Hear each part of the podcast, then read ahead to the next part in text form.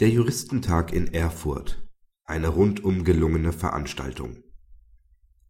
Der 67. Deutsche Juristentag hat den 2750 registrierten Teilnehmern neben den Beratungen in den Abteilungen mit 100 verschiedenen Programmpunkten in und um Erfurt einiges geboten. Der Präsident des DJT, Professor Dr. Martin Hensler aus Köln, zieht eine durchweg positive Bilanz Herr Professor Hensler, der Deutsche Juristentag hat ein neues Motto: Recht mitgestalten. Wurde die Veranstaltung in Erfurt diesem anspruchsvollen Ziel gerecht? Nun, die Mitgestaltung der Rechtsordnung durch die Juristen ist das Anliegen des Deutschen Juristentages seit seiner Gründung vor knapp 150 Jahren. Gerade aus jüngster Zeit gibt es beste Beispiele dafür, dass wir beim Gesetzgeber Gehör finden, Rechtsdienstleistungsgesetz, GmbH-Reform, Patientenverfügung, um nur einige Stichworte zu nennen. Und auch die Beschlüsse des 67. Juristentages werden sich in künftigen Regelungen niederschlagen.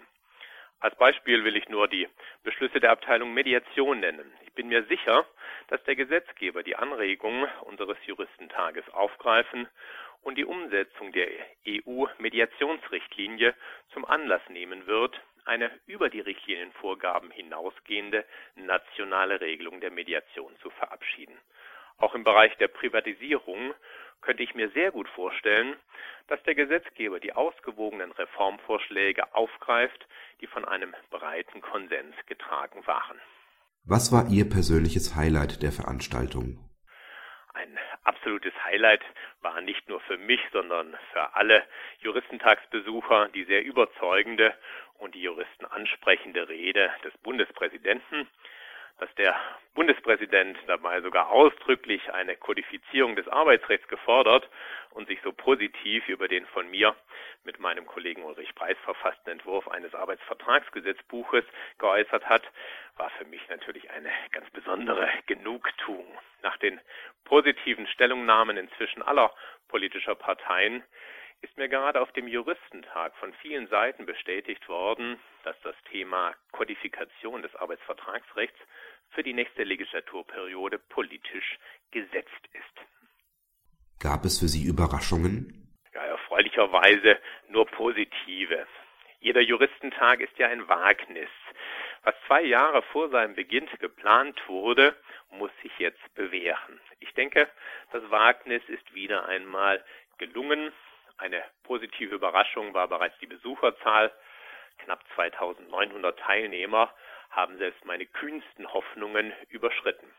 Auch dass wir während des Juristentages eine beachtliche Zahl spontaner Beitritte hatten, spricht für das gute Gesprächsklima auf diesem Juristentag. Die Themen wurden allgemein als aktuell und wichtig empfunden. Heiße Eisen haben wir nicht ausgespart.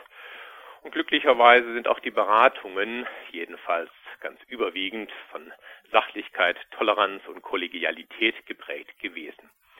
Insgesamt war es nach der Resonanz, die ich erfahren habe, offenbar eine sehr stimmige Veranstaltung.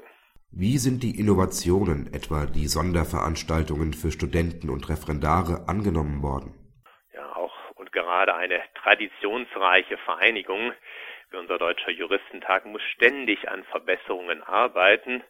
Wir haben uns nicht nur ein etwas frischeres und zeitgemäßes äußeres Erscheinungsbild gegeben, das bei den Mitgliedern gut angekommen ist, ein besonderes Anliegen von mir ist es auch, besonders die jungen Juristinnen und Juristen anzusprechen.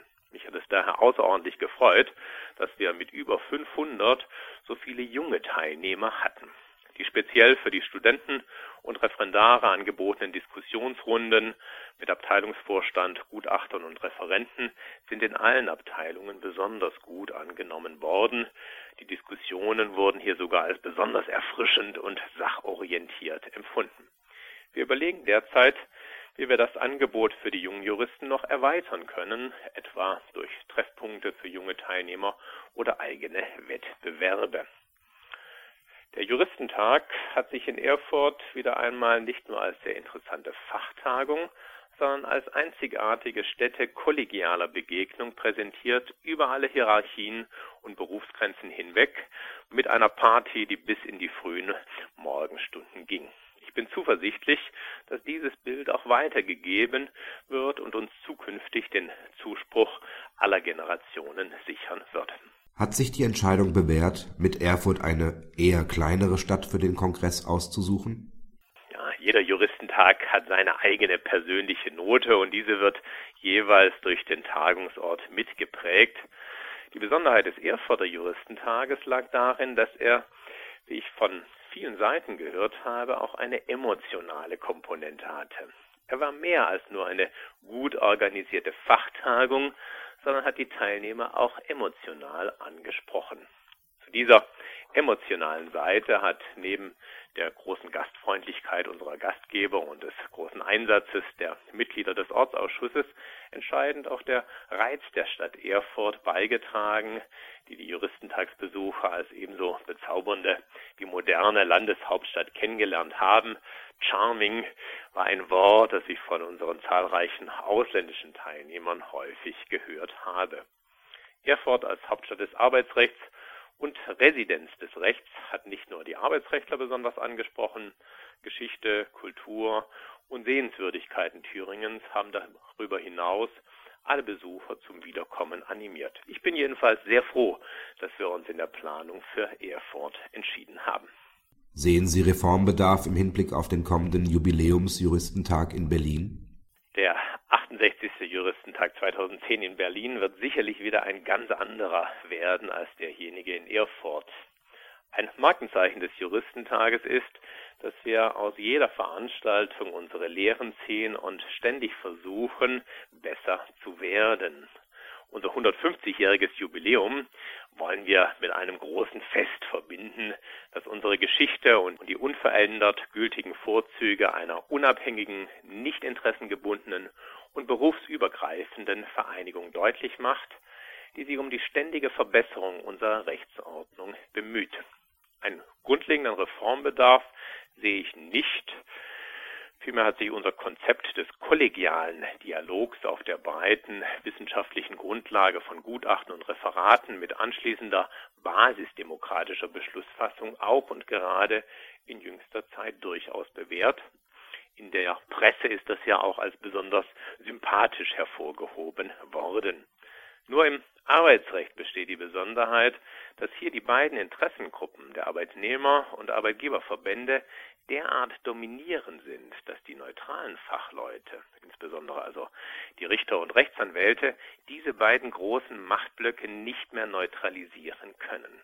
Diese Verbandsübermacht ist aber kein spezifisches Problem des Juristentages, sondern ein allgemeines gesellschaftliches Phänomen die Konsequenz nun überhaupt keine arbeitsrechtlichen Abteilungen mehr zu veranstalten oder aber nur Abteilungen ohne Abstimmungen und damit arbeitsrechtliche Abteilungen zweiter Klasse durchzuführen, wäre aus meiner Sicht keine Lösung.